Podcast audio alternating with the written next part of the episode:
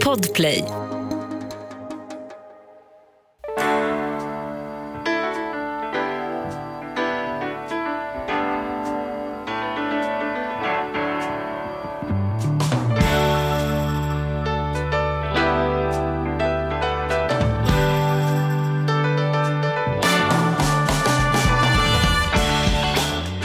Välkomna till Ekonomi på riktigt med Charlie och Mattias. Hej på dig Charlie! Nu, Nu är vi igång igen. är vi igång igen. Ja, nu är vi lite uppvärmda. Ja, vi vi. har ju försnackat du och jag. Och jag hade en sån här som man kan ha ibland. Jag vet inte om du har det, men jag fick lite panik när, när jag skulle hämta gästen som vi ska ha idag. Patrik som vi ska ropa in alldeles Ja, strax. precis. Eftersom det var eh, en gäst som vi aldrig haft i podden tidigare, Mm. trodde vi. Och som plötsligt tänka så här, "I- jo, då, jo, nej men den här personen känner jag. Liksom, eller jag känner tillräckligt väl för Ja, att... du sa ju till mig så här, vi Ja, har ju den här, vi har haft ju varit vi med? vi haft dem. Och jag bara, nej det har vi inte. Jo, men det blir pinsamt. Vi kan ju inte säga välkommen. Vi måste säga välkommen tillbaka. Och så, så tog det en liten stund. Och så kom jag på att det var ett helt annat sammanhang som jag hade träffat Patrik i. Har du ofta det att du... För du är ju både lite liksom B-kändis eller kanske C-kändis beroende på hur man ser det. Men du känner ju också fruktansvärt mycket kända människor.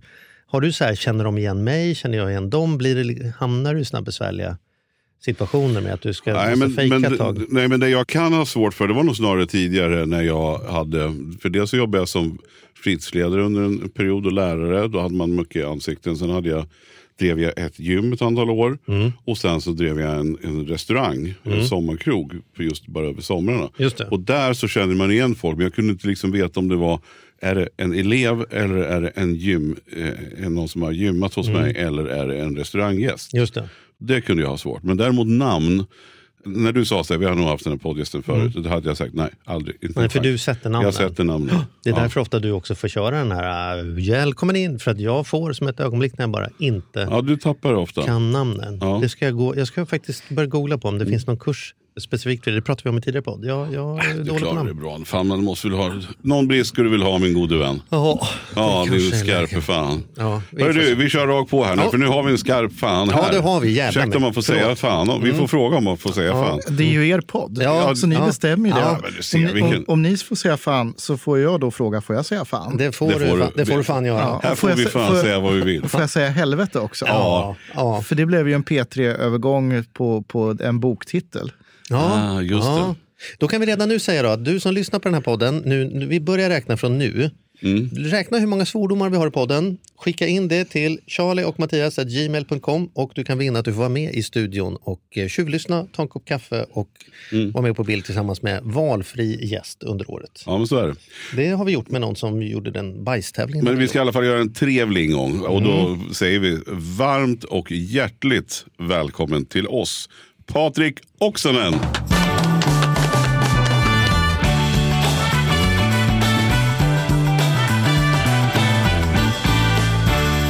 Så mycket, tack så mycket. Du ser också laddad ut. Absolut. Och jag är också framförallt laddad att få sitta här och liksom bara titta på alla våra vita skägg. För det är ju någonting vi har gemensamt. Ja, det har vi. Det Ja. har vi. Absolut så. Så att- Men jag men tycker i- du känns lite mindre vit än, än oss. Ja, jo, men jag ligger i lä för, för kampen mellan årets jultomte 2023. Det, där måste jag säga att ni, ni Ja, det ligger lite före mig där. Men, men får jag fråga vilket år du är född? Jag är 73. Ja, men det är därför du har lite mindre då. Mm. Så kan vara så. Fast å andra sidan, Charlie är ju Jag är 75. 74. 74 är jag. tack. 74 att det är till Ja, och men. Charlie har levt ett hårdare liv då. Ja, kanske. Ja, jag är ju uppväxt på 60-talet. Så att man har ju... Nej, men jag tänker kanske att du har levt ett hårdare liv eftersom du har Vi ska ju prata om säkerhetspolitik idag och liksom vad det innebär förlängningen. Så det är väl liksom, du ska få berätta lite om det själv, men känner du att, tror du att du är en oroligare människa än den som har jobbat med heminredning hela livet? För du har ju liksom hela dagarna liksom ofta suttit och vridit och vändit på vad är risken med det, vad är hotet med det, nu gör de det, vad kan det innebära det? Man brukar säga att man får det man fokuserar på. Du måste ju ha haft enormt mycket säkerhetskriser i ditt liv jämfört med vad jag har haft som inte har varit så jävla engagerad i de frågorna. Jag kan väl säga då att, att eh, jag hade min stora säkerhetskris 2014 Mhm. när Ryssland gick in och startade kriget mot Ukraina genom att sno Krim. Mhm. Och så satt jag hemma i soffan och blev irriterad ja, faktiskt arg på mina gamla kollegor på Sveriges Television där jag hade jobbat tidigare som journalist. Mm. Och att de inte förstod att det var krig i Europa. Mm. Där hade jag min, min så att säga, säkerhetskris. Sen skulle jag säga att det, om du tar då den jämförelsen med någon som kanske har jobbat med heminredning i, i, i 20 år och, och, som plötsligt nu vaknar upp och tycker att allting är svårbegripligt. Det är oroligt i världen och, och hjälp, vad ska jag tänka och tro? Då, då har jag en, en så att säga, bättre kunskapsgrund och, och, och bedöma riskerna på. Så jag vaknar liksom inte upp och har den här akuta ont i magen. Däremot är jag bekymrad över läget. Mm. Men Ja, jag det, tänkte du är säga, det, inte- det kan ju vara fördelen då, att, att du vet. Liksom, att en, en som har jobbat som vi gjort eller som inte har haft en koppling till det här, vi kanske också är lättare för att Dels kanske vi är naiva och inte förstår, men det kan också vara så att vi irrar upp oss lite väl mycket i onödan då kanske. Ja, men jag tror att det har att göra med liksom, det kommer någonting nytt som du inte är van med. Det är okänt. Det här okända blir ju väldigt läskigt. Eh, Vi kan ju ta en annan parallell och det är ju pandemin vi, vi nu förhoppningsvis är genom totalt sett. Men det var ju när, när covid kom så visste vi inte riktigt hur smittar det exakt och hur farligt är smittan och, och hur farligt är det här och vad ger det för effekter och, och kommer vi att få ett vaccin? Och alla de här frågetecknen skapade ju oro och stress. Ja, verkligen. Eh, Men när du har kunskapen, ja, men då kan du bedöma risker och veta också liksom vad, vad kan du ha för strategier för att hantera problemet. Och, och man brukar säga så här att du ska ju inte vara rädd. För att gå omkring och vara rädd, det är ju inget bra. Man lägger ner väldigt mycket energi och man blir inte riktigt rationell om man går omkring och är rädd. Och dessutom fa- farligt för kroppen. Alltså, Farligt för kroppen. Fler Absolut. människor dör av det Ja. än kanske av det andra. Ja, ja. Däremot så ska man vara beredd så att man, man har en grundläggande koll och man har en grundläggande förmåga. Där har vi ju en ny minister för civilt försvar, Carl-Oskar Bolin. Han, han brukar ju säga varje gång han får tillfälle att se till att du har en, en hemberedskap till exempel som medborgare. Just det. Men jag, tycker, vi- jag vill Jag ju trodde du fråga skulle om... säga se till att ha en hembrännare. Hembrännare. Hem, hembrännare tror jag Kan inte att han samma- säger öppet. Nej. Nej, just det. Jag kom på det. Är väl det han menar med hemberedskap liksom, på sätt och vis. Ja. Ja. Nåväl, men vi tar det från början. Jag vill ju fråga om det, vi lever i farligare tider nu. För jag tänkte att pandemin säger man, det är det värsta vi har gjort någonsin. Och så tänker jag så här, ja men spanska sju och så diger alltså, det beror ju på hur långt man backar.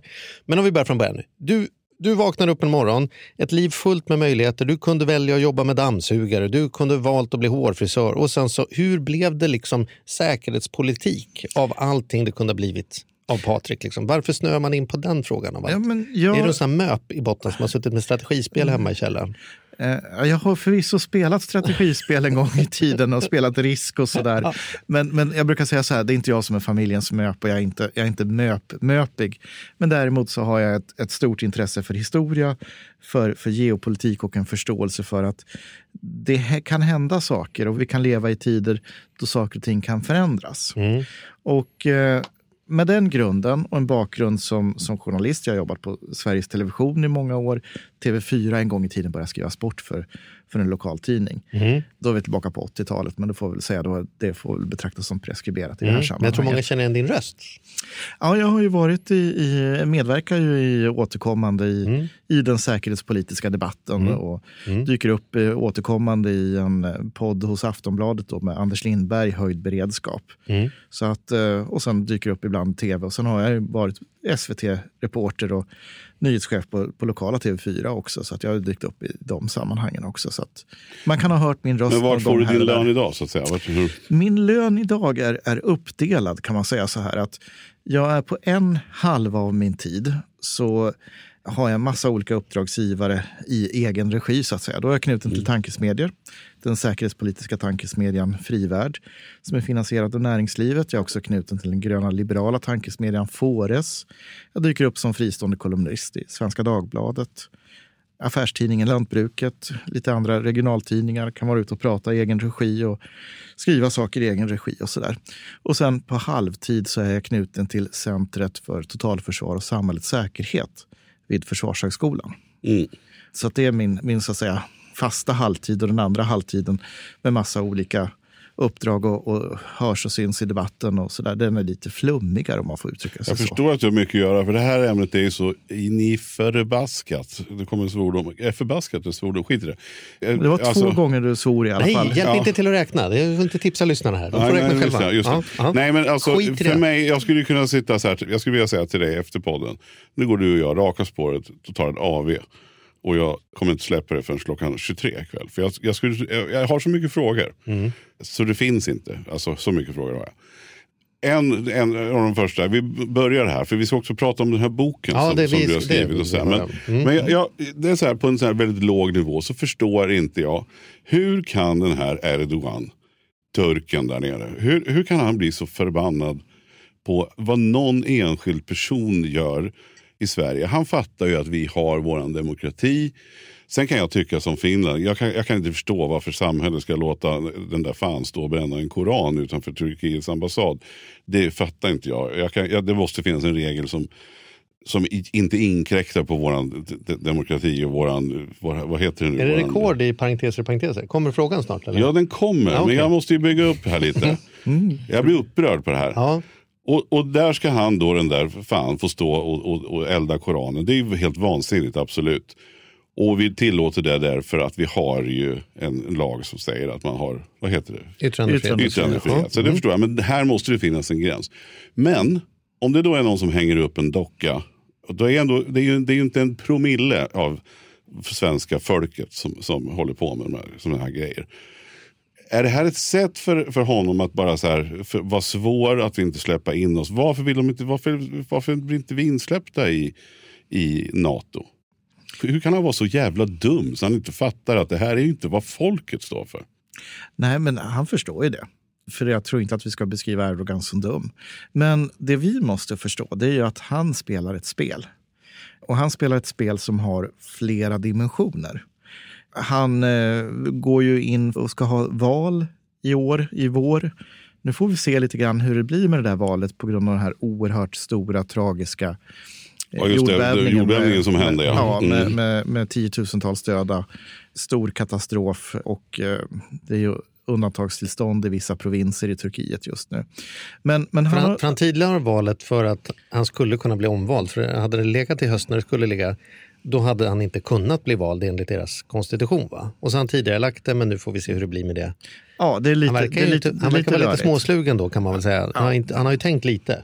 Han har tänkt lite. Ja. Och då är det ju så här att om du är en sån här auktoritära drag, populistisk ledare, då vill du ju gärna då, om, om du känner att din ekonomi är dålig, den är inte så bra i Turkiet, och det finns ett folkligt missnöje, samtidigt som man har tagit mer och mer så att säga, kontroll över, över debatten i samhället och sådär, då, då vill man ju avleda uppmärksamheten på att folk ska inte vara arga på grund av inflationen i Turkiet, utan kan man då utnyttja händelser så att man kan samla folk mot en yttre fiende eller någon som har gjort någonting dumt då, då, då stärker ju det hans position. Så att eh, då, då när liksom den här dockan dök upp, ja, då var det ju liksom riktat mot Erdogan, då gick ju hans närmsta stödtrupper igång. Men bränningen av Koranen, då kunde han ju mobilisera bredare support och till och med också då att oppositionen hade ju svårt att säga någonting annat än att man kunde inte vara mindre, mindre kritisk än, än Erdogan heller. Så att då skapades en, en stark dynamik. Det är en dimension av det här. En annan dimension handlar om Turkiet, Turkiets roll, Turkiets relation till USA, Turkiet och kurderna och eh, det faktum då att USA och väst stödjer ju kurderna i Syrien. Och det gillar inte Turkiet. Och vi stödjer dem i väst, och framförallt USA då, för att de har varit en väldigt viktig aktör för att bekämpa IS. Och här då så glider det in liksom och blir Turkiet, kurderna och den för, för Erdogan ett, ett, liksom ett, ett regionalpolitiskt maktspel. I potten ligger också då att Turkiet vill köpa F16 jaktplan av USA. USA har blivit lite njugg med när det gäller sådana där affärer därför att Turkiet köpte ryskt luftvärn. För Turkiet spelar ju också lite dubbelt med, med Putin. Mm. Gas, Turkiet är inte med på sanktionerna och, och sådär och, och har, håller igång de relationerna och det finns ekonomiska intressen och, som man utnyttjar. Och sen finns det ju hela då spelet kring Syrien där Ryssland är en aktör så det är komplext. Och jag ser nu att du sitter och himlar lite grann med ögonen nästan. Så här, hur ska jag hänga med på alla de här turerna? Jag fick en bild av att, att Turkiet är ett så här, eh, slukt eh, skilsmässobarn som spelar ut två föräldrar mot varandra. Försöker Ja. casha hem leksaker på dubbla ställen och Pre- två julaftnar. Och liksom Ja, precis. Och då kan du tänka dig då att då, då kanske tar den, tar den till den utökade familjen då med, med att du har dubbla uppsättningar föräldrar med, Mm. med plastföräldrar och, och, och bonusmorfar och bonusmorbror och, och farmor och farfar och mormor och morfar. Ja, Eh, och, och så att har du han, en stor han, vill ju, så. han vill ju spela ett barn. För han, mer IQ verkar han ju inte ha. Fast jag förstår Ja, att men det, du ska det är inte, så. man ska, Ja. Bara för att människor fattar beslut som går dig emot så ska du inte tro att de är korkade. Jag, jag, tror, vet, man jag, försöker bara, inte där. jag, försöker bara dra igång lite. Ja, här. ja, du- jag ser att du försöker få, få, få Ja, igång jag- lite schysst ja, men så här, då frågar jag stämning. så här. Tycker du att, att man ska få bränna koraner när man vet hur det här läget är? Alltså under, under de givna förutsättningar som är nu. Ska, ska han få komma och tända eld på, på koraner och få tillstånd av polisen för det? Ja, därför att det är i enlighet med vår lagstiftning. Sen kan jag tycka illa om det, jag kan tycka att det är korkat, jag kan tycka att det är provokativt. Men, men det är den lagstiftning vi har. Så att det är lagligt. Sen behöver inte jag tycka att det är moraliskt rätt eller Nej, men, men kan det rätt. finnas undantag i lagen då som gör att vid ett, vid ett spänt läge så behöver de väl inte låta honom få stå utanför Turkiets ambassad. Jag menar om någon vill bränna en koran eh, och, och vi Det har väl säger... pratats om att det finns lagrum för att säga att det här är att Ja, han, polisen har ju nu sagt nej till en Mm. förening som, som ville göra om det här. Och de gjorde det då med motivet att de ville egentligen stoppa NATO-medlemskap och då vill man elda på, förlåt, pun unintended där, Mm. men elda på då ilskan i, i muslimska grupper i Sverige och utanför Sverige för att göra det här ännu svårare och rörigare. Och där sa ju polisen nej. Och polisen sa ju nej då med hänvisning då bland annat säkerhet och allmän ordning. Men juristernas bedömning tycks vara att den här lagstiftningen som finns idag, den är inte liksom rustad för att plocka in ökad risk för terrordåd, utan det är väldigt kopplat till den platsen där och då. Man kan säga nej då till på grund av pandemi eller trafiksituation eller säkerhet på platsen. Mm. Men vi har inte det i lagen. Sen kan vi ha en diskussion om det är rätt eller fel eller, eller så vidare. Men jag tror att det vore väldigt olyckligt om vi i ett sånt här läge, när vi är mitt uppe i en väldigt stark så att säga, känslomässig reaktion kring det här, också i ett väldigt skört läge, börjar pilla på vår lagstiftning ogenomtänkt som en reaktion på det här. För att då börjar ju vi göra saker som vi egentligen säger att det är det här vi ska försvara. Vi vill ju gå med i Nato för att vi bedömer att det är bättre för svensk säkerhet att vi försvarar oss tillsammans med andra. Och de värden vi försvarar, det är ju, det är ju vår regeringsform, det är vår demokrati, vår frihet, vår yttrandefrihet, vår frihet att svära hur många gånger vi vill i den här podden. Just det. Om jag ska liksom Ja. hårdra det. Och det är det vi, vi försvarar. Men skulle det hjälpa något för the greater good så skulle jag kunna bara skita i att svära lite under några avsnitt. Alltså, Jo, Ja. men han gör väl någon bedömning att det är för the greater good att, Att, att, jaga på den här därför att ställa saker på sin spets. Att just inte låta yttrandefriheten gömma sig lite till fördel för liksom religiösa intressen eller storpolitiska. Alltså jag förstår ju hans agenda. Han är säkert inte heller korkad. Sen håller jag inte med öv- överhuvudtaget. Men man kan ändå liksom förstå att vi spelar i olika lag här och det, mål ser ut på och, olika och sätt. man kan använda då yttrandefriheten, de friheter vi har, Mm. för att då orsaka splittring, ilska, Mm. skapa sådana starka reaktioner då att använda det öppna samhället mot det öppna samhället. Och det är den mekanismen som uppstår här. Men då får vi ju vi som, som vill försvara det öppna samhället fundera på, försvarar vi det bäst genom att säga att lagen behöver ändras och vi ska minska det här? Eller försvarar vi bäst genom att säga att vi försvarar den här rätten, men vi, vi tillåter oss själva fortfarande ha rätten att säga att det här var jävligt puckat och kontraproduktivt. ja, Här kommer tycker svordom man. Till. Bra. Men du, försvarslusten eller försvarsviljan bland folket. Mm. Det, var, Det- det, det- har väl blivit fruktansvärt tydligt under Ja, Ukraina-situationen. Ja, Jädrar vad det är skillnad. Och Ja. jag, jag, jag var med om en superintressant grej igår. Utan att, och sen var det så, visste jag ju sen att du skulle komma idag. Eh, men det här kom bara till mig. Och då var det så att en, en klient som jag har haft i jättemånga år som har hjälpt med ekonomigrejer. vars son nu har blivit 18 år och fått precis då tagit hand om sina egna pengar. Liksom, som det blir. Vi har pratat mycket om det här. När, när det ramlar över och rätt vad det är när man fyller 18 så plötsligt står man där och har ett eget konto. Och då så hörde han av sig och sa så här, min pappa har sagt att jag kan komma förbi och så för att hjälpa honom och se vad ska vi göra av de här sparande pengarna. Och den killen då går ju nu sista året på, på gymnasiet. Och då, då sa jag, så här, men vad, vad, vad ska du göra nu då efter plugget? Nej, jag ska göra lumpen, jag ska ut i, i, flottan. Jag är stationerad ute på Berga. Så här. Och, det, jag tyckte det var, och, och då sa han själv att jag vet inte hur gamla, hur gamla är era barn nu? För bara för det som han sa då, för två, tre år sedan, då var det helt otänkbart bland hans gäng och hans kompisar att göra lumpen. Det liksom fanns inte på världskartan. Medan han sa att nu då, bland hans gäng och kompisar så är de skitmånga som ändå ska göra. Och han sa förr för gick det inte ens ut broschyrer, utan han hade ju fått hem nu broschyrer, vill du hjälpa till i försvaret och sådär. Och det där tyckte jag var liksom intressant hur en 18-åring ändå har reflekterat över det här och, och själv känt att jag, jag vill göra det här. Mm. Och jag tänker också på alla de här eh, så här, Bungenäs ute på Gotland som var, som var ju en stort militärområde som alltså sent för tio år sedan bebyggde med lyxvillor och det köptes upp av privatpersoner och, och blev liksom rena drömparadisen Liksom, eh, och hur vi totalt verkar släppa allt på att det överhuvudtaget kan komma en, en, en kanonkula mot vårt land. Liksom. Så, så frågan är då, så här, är, det, är det här en trend som, känner du av det här? Stämmer det här liksom, som hans teori var? Absolut, och det, det känner man av. Det har 24 februari i fjol, när det nya, alltså förnyade ryska anfallet skedde mot Ukraina på bred front i syfte då att erövra Ukraina. Det väckte många. Och vi såg också en stor reaktion ute hos allmänheten. Det var ju massa folk som hörde av sig till hemvärnet, vill gå med i hemvärnet, lottakåren, bilkåren och alla de andra för, frivilliga försvarsorganisationerna.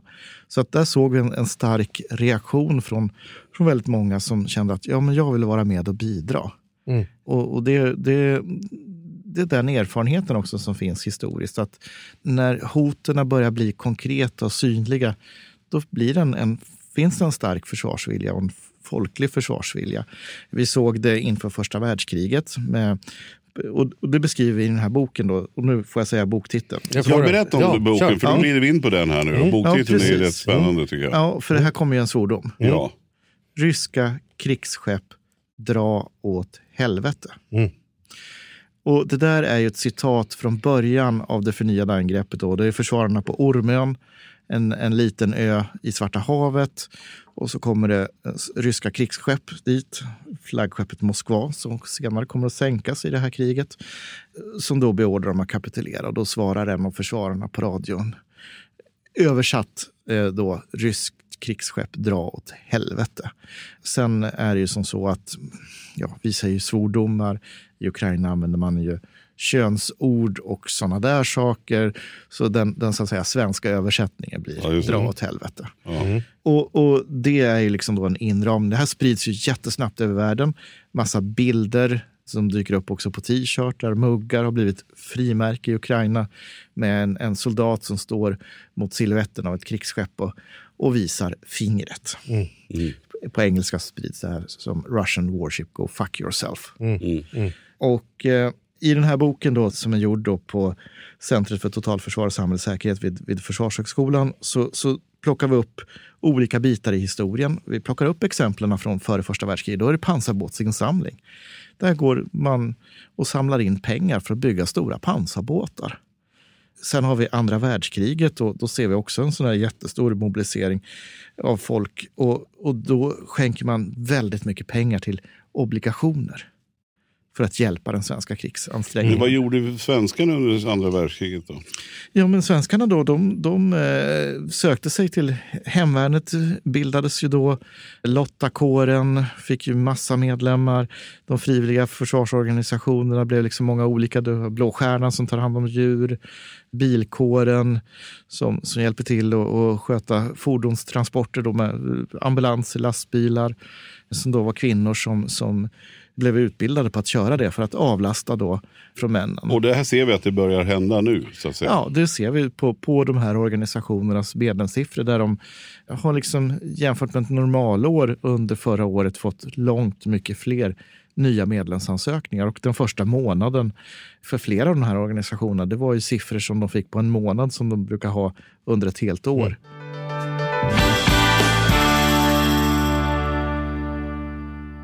Den här podden gör vi även den här veckan i samarbete med Saveland. Fan mm. vad kul det är att ha dem med ombord. Mm, jätte, jätteroligt. Ja, vi brukar prata om att man har något band som man såg jag stod Bo Kaspers jädrigt tidigt liksom, innan man gjort tv-debut. Och du har något hårdrocksband som du var jävligt tidig på. Ja, alltså jag var på, på Lilla Teatern Göta Lejon och såg Metallica ja. 1984. Så gammal är jag. Och jag var i kontakt med Saveland när det fortfarande var typ tre, fyra personer där från mm. början. När jag fick möjlighet att träffa dem.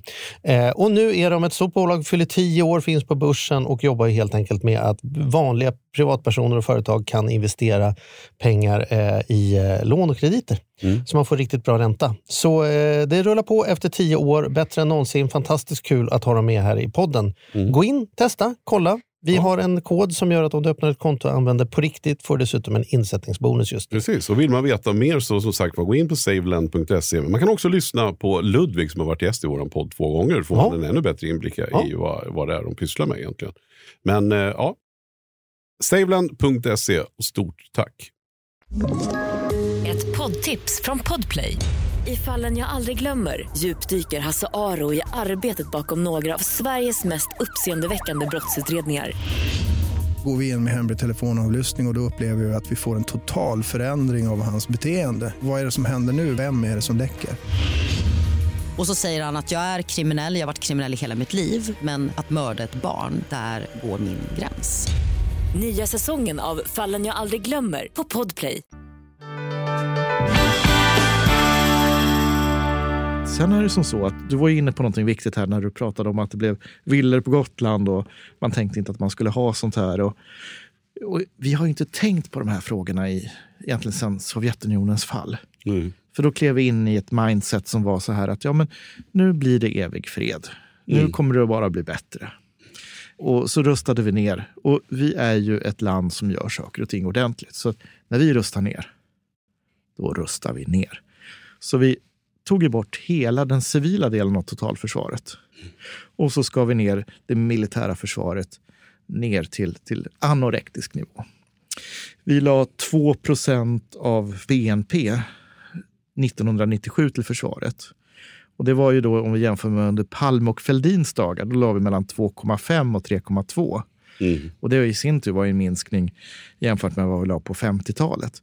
Men 1997 så la vi 2 procent. Nu håller vi fortfarande på att kämpa på att komma upp till 2 procent. Och det är lite flytande när vi kommer att nå det, om det blir 2026 tillbaka dit. Och då har vi gått upp då från, från bottennivån 1 procent av BNP.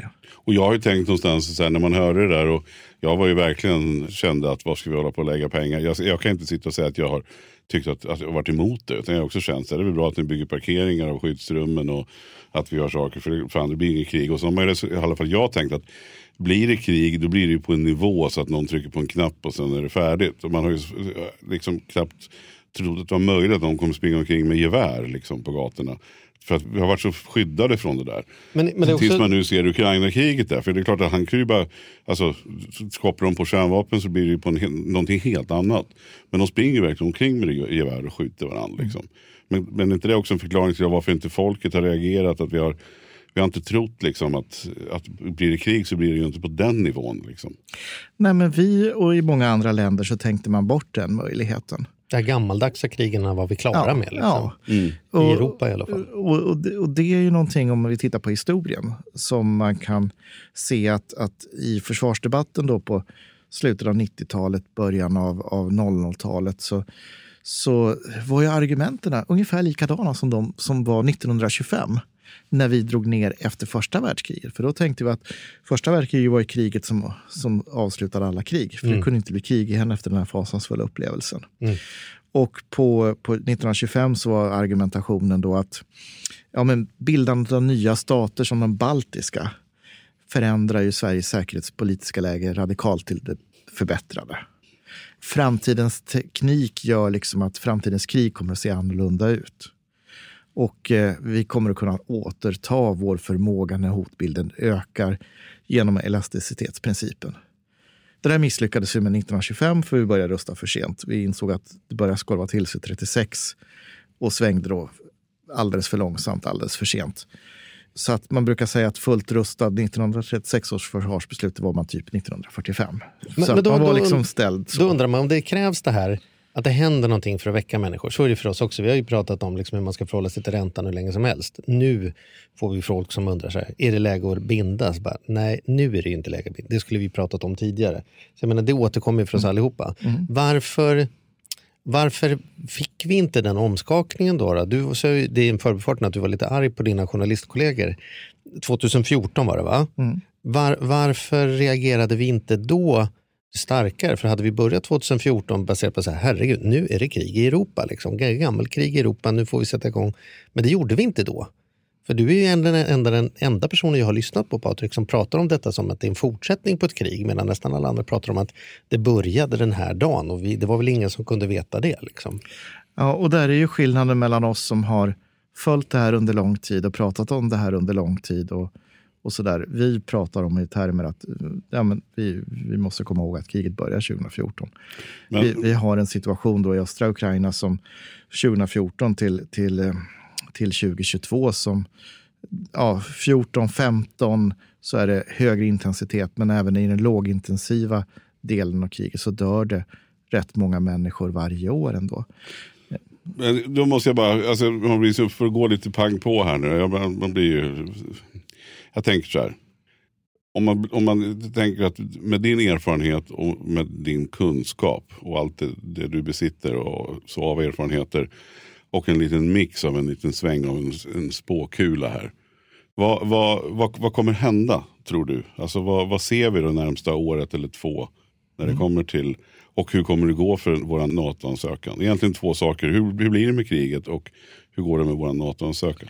Jag ska börja med att vara väldigt tråkig och säga att nu är vi inne i en period i historien som är väldigt svår att förutsäga. Därför att kriget har sin egen dynamik. Vi lever i en, i en komplex värld där det är massa olika faktorer som, som samverkar. Där händelser i olika länder kan få stora effekter. Jag menar, det blir ju en situation ifall Donald Trump blir återvald eller nyomvald, eller vad ska man kalla det för, kommer tillbaka till, till makten i Vita huset 2024 än om man inte gör det. Och det kan få oerhört stora konsekvenser. Så att jag vill understryka att vi lever i en väldigt osäker tid. Och det är också det som, som när man, till exempel statsminister Ulf Kristersson var ute och pratade och sa liksom att vi lever i den farligaste säkerhetspolitiska tiden sedan, sedan andra världskriget. Det, det, är den här osäkerheten. Håller du med om det, det påståendet? Ja, det gör jag. Värre än när kalla kriget var i full fart och vi hade liksom ja, alltså, Grisbukten och vi pratade om sekunder kvar till kärnvapenkrig. Och... Ja, men ska man jämföra då så att säga den här osäkerheten med någon period efter andra världskriget, då är det ju i kalla krigets början innan det har börjat stelna. Mm. Då har du kuppen i Tjeckoslovakien 1948. Det var liksom den enda demokratin kvar i, i det, så att säga, den sovjetiska intressesfären som, som Sovjet tog, tog koll på. Och sen har du ju blockaden av Berlin där, där Sovjet försöker svälta ut västmakterna genom att stoppa landförbindelserna och så, så skickar man ju alla de här transportplanerna Eh, och, och försörjer. Men, liksom men, men, om vi går till, du, ja, tillbaka till de här två. Här. Ja. Ja, vad tror då? du? Vi fattar att det är ja, ja. extremt svårgissat. Extremt svårgissad. Och då säger jag så här som grundläggande saker. Ett, jag ser inget slut på det här kriget. Att jag inte ser något slut på det här kriget i närtid. Jag kan liksom inte se att, att eh, det kommer att hända någonting större avgörande som förändrar dynamiken. Det vill säga att för Ryssland är det här en existentiell fråga. Och då menar jag existentiell utifrån den Putins föreställning att Ryssland måste vara ett imperium. Han, förlorar han det här kriget, det vill säga att han blir bortkörd från Ukraina, Ukraina kan återställa sina gränser som de hade 2014, då faller Putin från makten. Och då vet vi inte riktigt vad som händer med Ryssland. Hoppas att det kommer en ny Gorbatjov kanske. Ja, det är vad vi kan hoppas på, men vi Mm. kan inte planera för det. Nej, nej. Men du bedömer inte det som troligt scenario i närtid i alla fall? Inte närmsta halvåret. Nej. Och jag tror att vi måste mentalt räkna med att det här kriget kan pågå i flera år till. Mm. Och på samma sätt så är det essentiellt för Ukraina därför att skulle Ukraina acceptera att man ska avträda områdena eller acceptera ett vapenstillestånd som innebär i praktiken att, att Ryssland tar kontroll över fler ukrainska provinser, ja, men då, då är det ganska troligt att Ryssland kommer att utnyttja pausen för att fortsätta destabilisera Ukraina och försöka göra kupper. Och sen så när man har byggt upp sig själv igen, återigen göra förnyade angrepp. Så att konflikten är inte slut då, utan den kan liksom ta en time-out.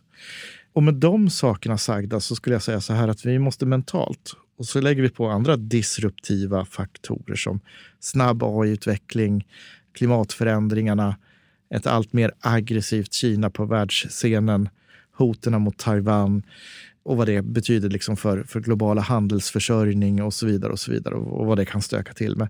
Hela 20-talet kommer att vara stormigt. Mm. Den här liksom som vi levde med och som vi tyckte var ganska gött på 00-talet. Att vi kunde förutsäga, vi kunde dra ut linjerna.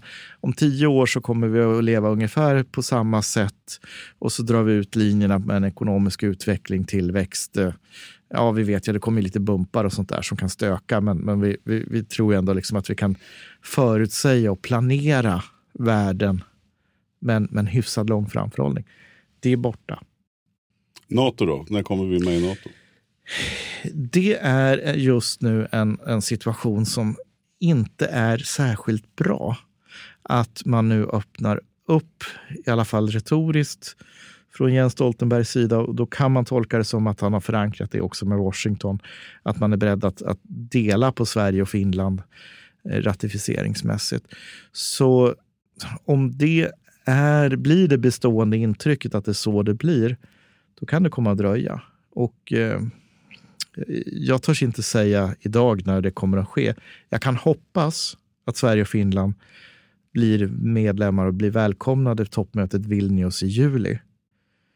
Men det kan lika gärna dröja till nästa år eller, eller öka ytterligare osäkerhet i all den här röra.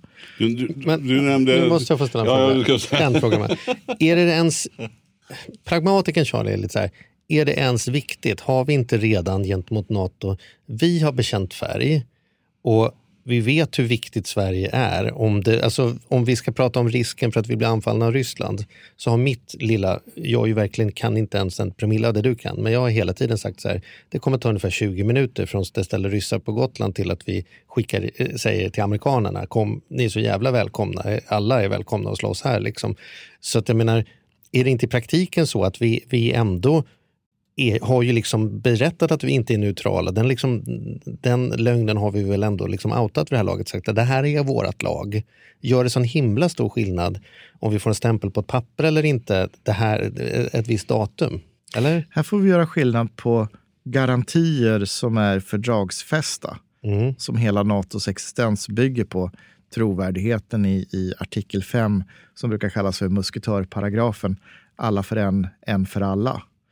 Och det som blir så att säga politiska försäkringar, förhoppningar, det här skapar en osäkerhet vart vi är på väg. Och sen återigen då med, med att det kan hända saker i omvärlden. Jag är inte bekymrad med nuvarande amerikanska administration. Men återigen då, händer det någon förändring i amerikansk inrikespolitik?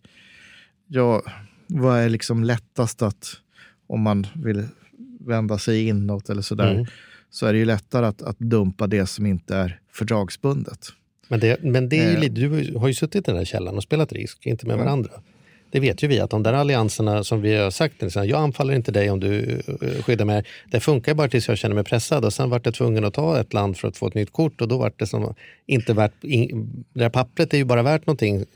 Det är inte så självklart att Erdogan kommer springande med trupper bara för att vi har ett papper. Liksom. Och det är den diskussionen som på det övergripande sätt egentligen den här konflikten handlar om. Eller liksom, vad är det för spelplan?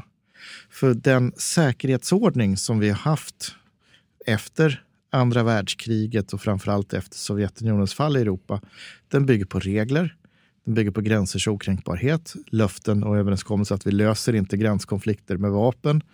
Vi löser ut det här via förhandlingsbordet. Vi tror på en ordning där vi bygger stora organisationer där vi hanterar saker. EU, Nato är två exempel på det. Mot det så står det den här riskvärlden.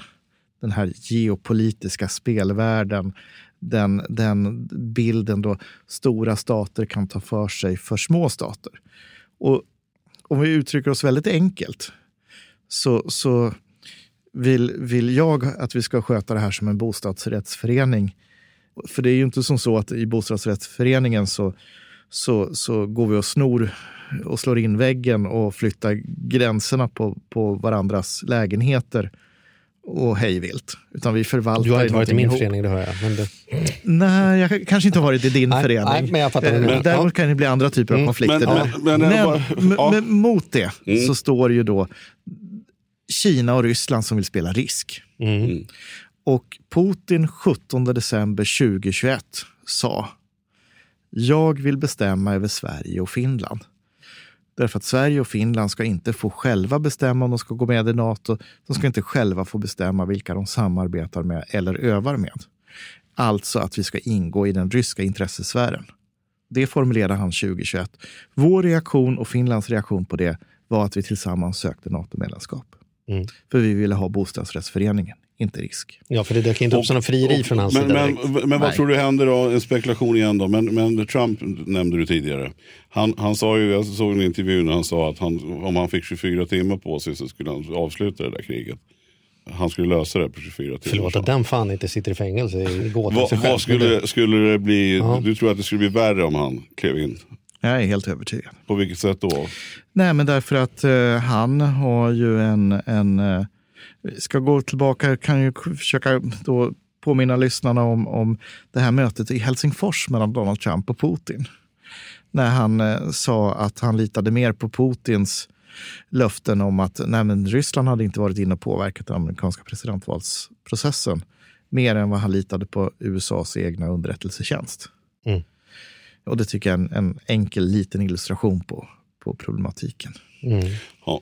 Men du, Men- vi, måste ju, vi, skulle vilja, vi får ju fan göra ett helt eget avsnitt bara om Kina och vad det kommer innebära. För det är ju det som jag vet att du och jag känner båda två att det är ju en, en Ja, det kan vi prata en länge om helt också. annan våg som nu kommit lite i skymundan. Men, men apropå ekonomi och var vi står. Men, men om vi ska titta lite på eh, här, här och nu och vi då. Vi är ju en ekonomipodd. Vad, vad tror du det kommer innebära för den genomsnittliga svensken? Liksom, vad kan vi vänta oss och vad behöver vi rusta oss för och hur gör vi det då, då med det här 20-talet av kaos framför sig. Liksom, vad, är, vad är dina råd till den som är svensk? Förutom att fortsätta kolla på nyheterna så, och, och se till att man har en nödradio så finns det väl liksom vad skulle du ge för råd till den som är så, här, hur förhåller jag mig till detta? Jag som ska bygga karriär och skaffa bostad och få livet att funka.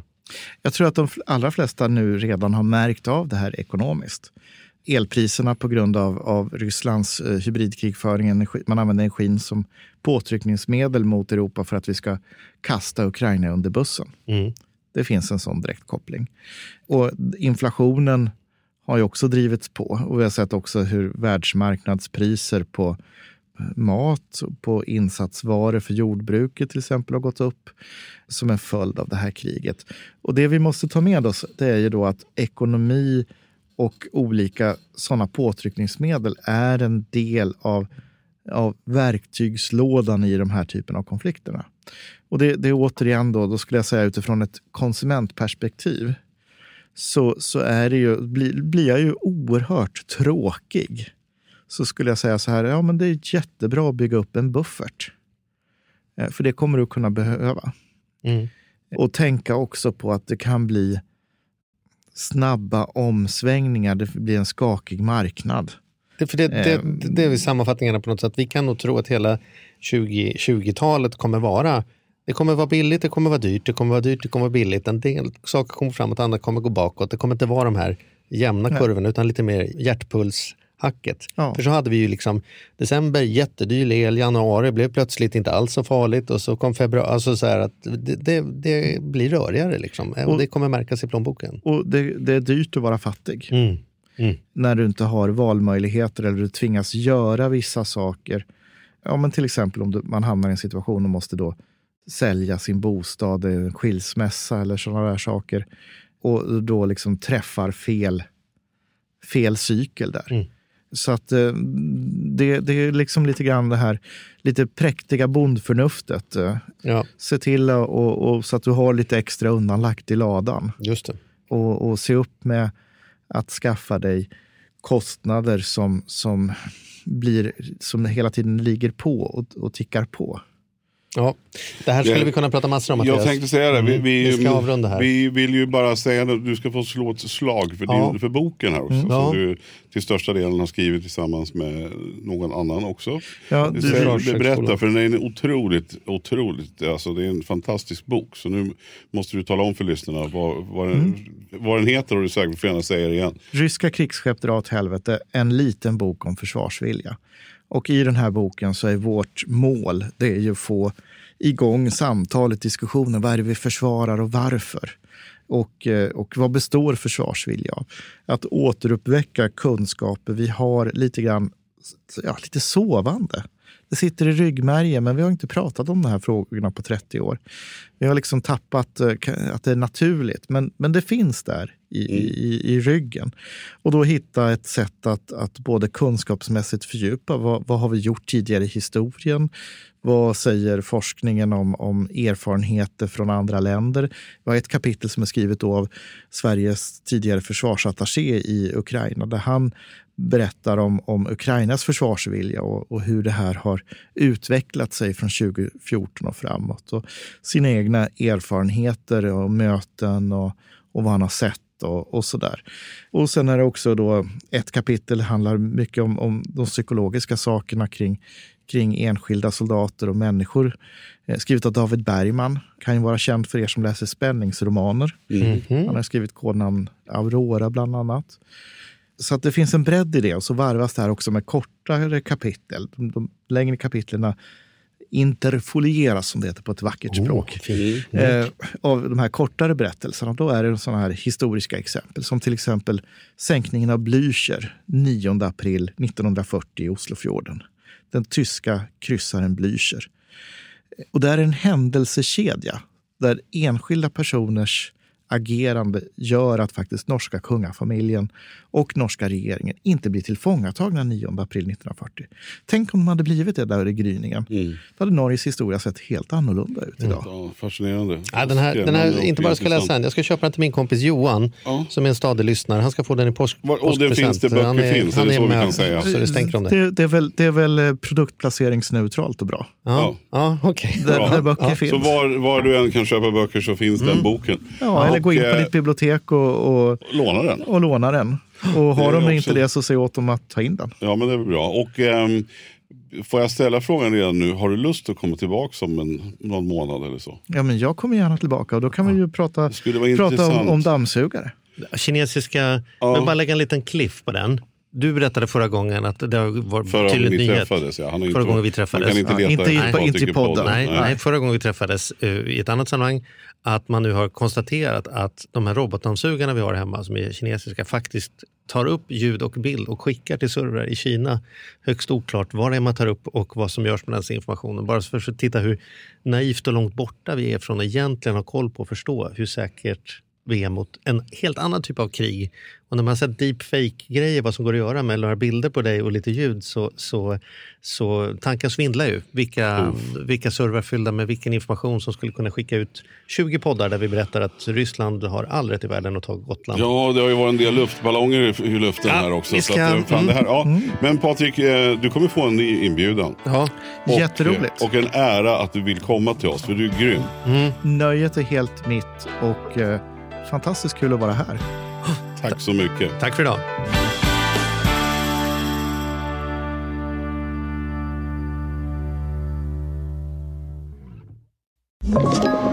Podplay.